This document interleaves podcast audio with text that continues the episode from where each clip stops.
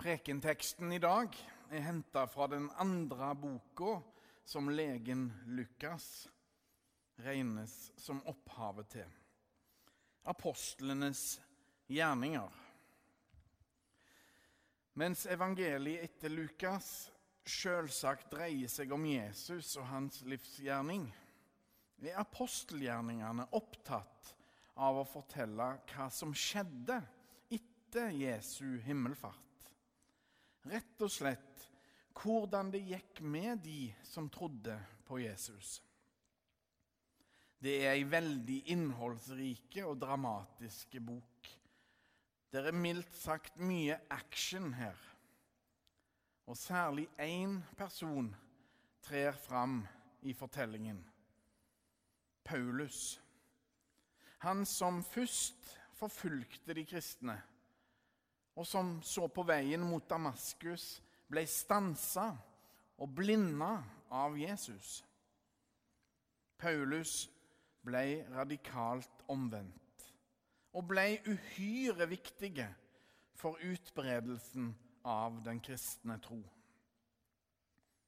Og i det vi nå skal lese fra kapittel 17, befinner han seg i Aten i Hellas.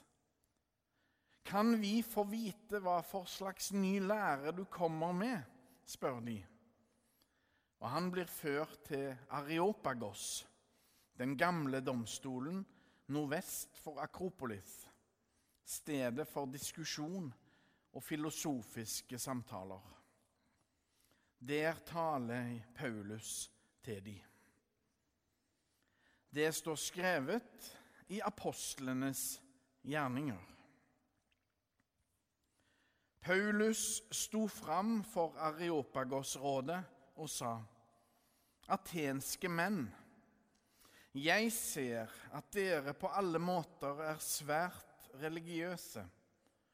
For da jeg gikk omkring og så på helligdommene deres, fant jeg et alter med denne innskriften. For en ukjent Gud. Det som dere tilber uten å kjenne, det forkynner jeg dere. Gud, Han som skapte verden og alt som er i den. Han som er herre over himmel og jord. Han bor ikke i templer reist av menneskehender. Han trenger heller ikke noe av det som menneskehender kan tjene ham med. Det er jo Han som gir liv og ånde, ja, alt til alle. Av ett menneske har Han skapt alle folkeslag. Han lot dem bo over hele jorden, og han satte faste tider for dem og bestemte grensene for deres områder. Dette gjorde han for at de skulle søke Gud, om de kanskje kunne lete seg fram og finne ham. Han er jo ikke langt borte fra en eneste av oss. For det er i ham vi lever, beveger oss og er til. Som også noen av deres diktere har sagt, for vi er hans slekt.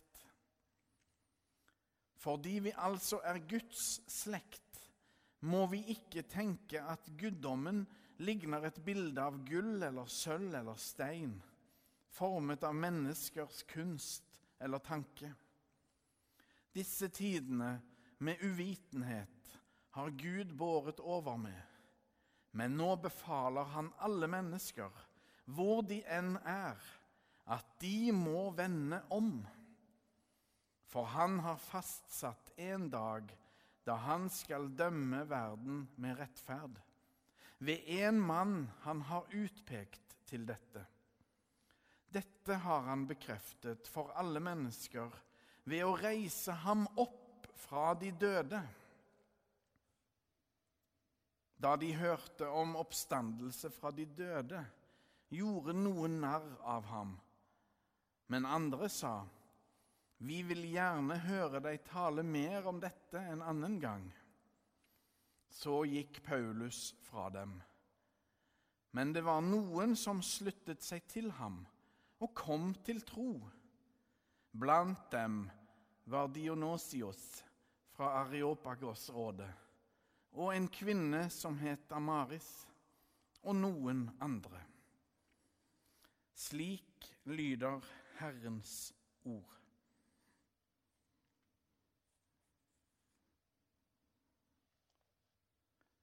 For noen veker siden, da fastemåneden ramadan var over, og de skulle feire id, fikk jeg et lite glimt av hele nabofamilien kledd til fest i en fullstappa bil. De var klare til å dra til feiringen id. En gjenkjennelse hos meg. Selv om de har en annen tro som muslimer, så er det en gjenkjennelse der av hva fest og høytid betyr for oss. Vi har i Lura menighet en fin visjon som heter 'En menighet preget av tro, tilhørighet og tjeneste'. Den står i en sirkel nå, slik at de ordene tro, tilhørighet og tjeneste kan få lov til å komme i den rekkefølgen som det passer best for den enkelte å være i. Til høsten så setter vi tro på dagsorden her i menigheten. Vi oss, fordyper oss litt i hva vi faktisk tror på som kristne.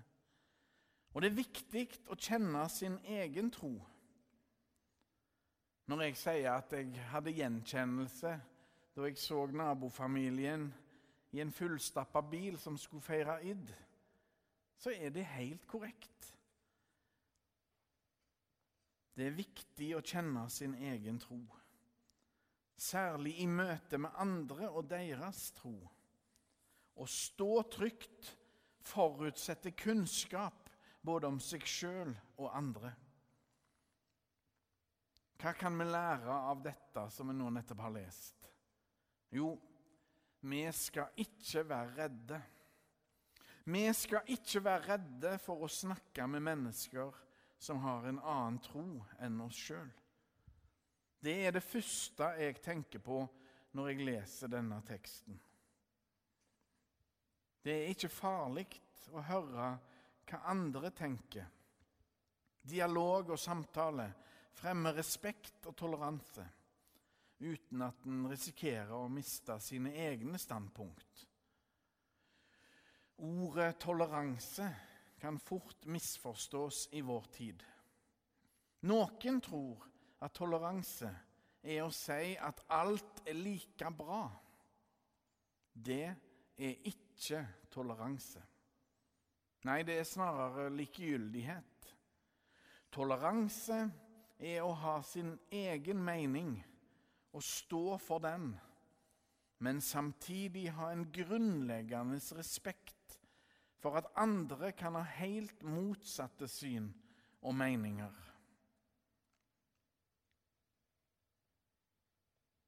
Det vitner om toleranse og nysgjerrighet når Paulus blir oppfordra til å fortelle om hva han tror på, hvilken ny lære han kommer med. Areopagos-rådet var en arena for samtale og filosofiske funderinger. I den beste greske tradisjonen var det her filosofien og tenkningen fikk utfolde seg. Men Paulus er på bortebane. Han bruker derfor, for det det er verdt, det som atenerne kjenner fra før. Han spiller seg inn på deres banehalvdel på mesterlig vis. Han inviterer seg sjøl inn i samtalen. Men når de hører om de dødes oppstandelse, da blir det for mye for dem. Da er det nok. Og jeg klarer ikke å glemme skuespilleren Svein Tindbergs tolkning av avskjedsutsagnet, som i hans skikkelse ble omtrent slik. Vi vil gjerne høre deg tale mer om dette en annen gang. med latter i stemmen. Men noen kom til tro, står det. Noen kom til tro av det Paulus hadde sagt, står det å lese i slutten av teksten. Det han sa, gjorde virkelig inntrykk, iallfall på noen få. Det er en predikants drøm, det. At ordene som sies, skal gjøre inntrykk og føre inn i det djupeste av personligheten. Preken skal fungere som ei bro i forhold til teksten, sjølve Gudsordet. Alle mennesker trenger å høre om kjærligheten fra Gud på sitt eget språk, hjertespråket. Og da kan noen og enhver bli overraska av hva som kan brukes. Den hellige treenige Gud, han som kjenner oss alle til bånds, kan bruke hvilken som helst erfaring fra livet til den enkelte for å skape gjenkjennelse og respons. Både de gode og vonde opplevelsene en måtte ha hatt. Den levende Gud arbeider på forunderlig vis med oss alle. I've had my Damascus, sa presten jeg møtte i England. Jeg har hatt mitt Damaskus. Han som opprinnelig var ateist, og som på forunderlig vis hadde fått en radikal omvendelse, han òg. Akkurat som Paulus. En kollega fra sjømannskirka fortalte om sin opplevelse som konfirmant. Og jeg mener å huske at det var selve konfirmasjonsgudstjenesten. De andre konfirmantene i kullet hans de tulla og fniste, mens inni han var det noe annet som skjedde. Han ble grepen av at det var noe hellig som fant sted. I evangelieteksten vi leste i dag, er Jesus tydelig på at vitnesbyrdet om han skal bæres videre inn i verden. Det er en prosess som begynte i Jerusalem, og som ennå fortsetter med en enorm sprengkraft i seg. Det bryter seg fram over alle hindre og gjennom alle sperringer, sjøl om det budskapet alltid har møtt motstand. Én vei Jesus. Det var det som sto på det lille jakkemerket mitt da jeg gikk på ungdomsskolen. Illustrert med ei hånd som pekte oppover. Én vei Jesus. Så husker jeg at en gang mens jakka hang ute i gangen, så hadde noen snudd jakkemerket, slik at hånda på merket pekte nedover. Hmm. Slikt må en tåle, tenker jeg. Vi skal ikke være redde, for vi er på vinnerlaget til Jesus. Han som er den korsfestede og oppstandende, ber oss om å vitne, bære vitnesbyrd om Han inn i en verden som sårt trenger Guds nåde og kjærlighet. Så får vi heller tåle at noen ler av oss. Gud Fader, Skaperen, lever. Guds Sønn, Frelseren, lever. Den hellige ånd, livgiveren, lever. Den treenige Gud lever i oss for alltid.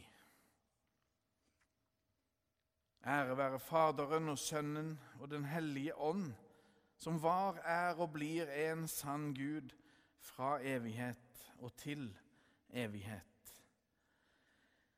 Amen.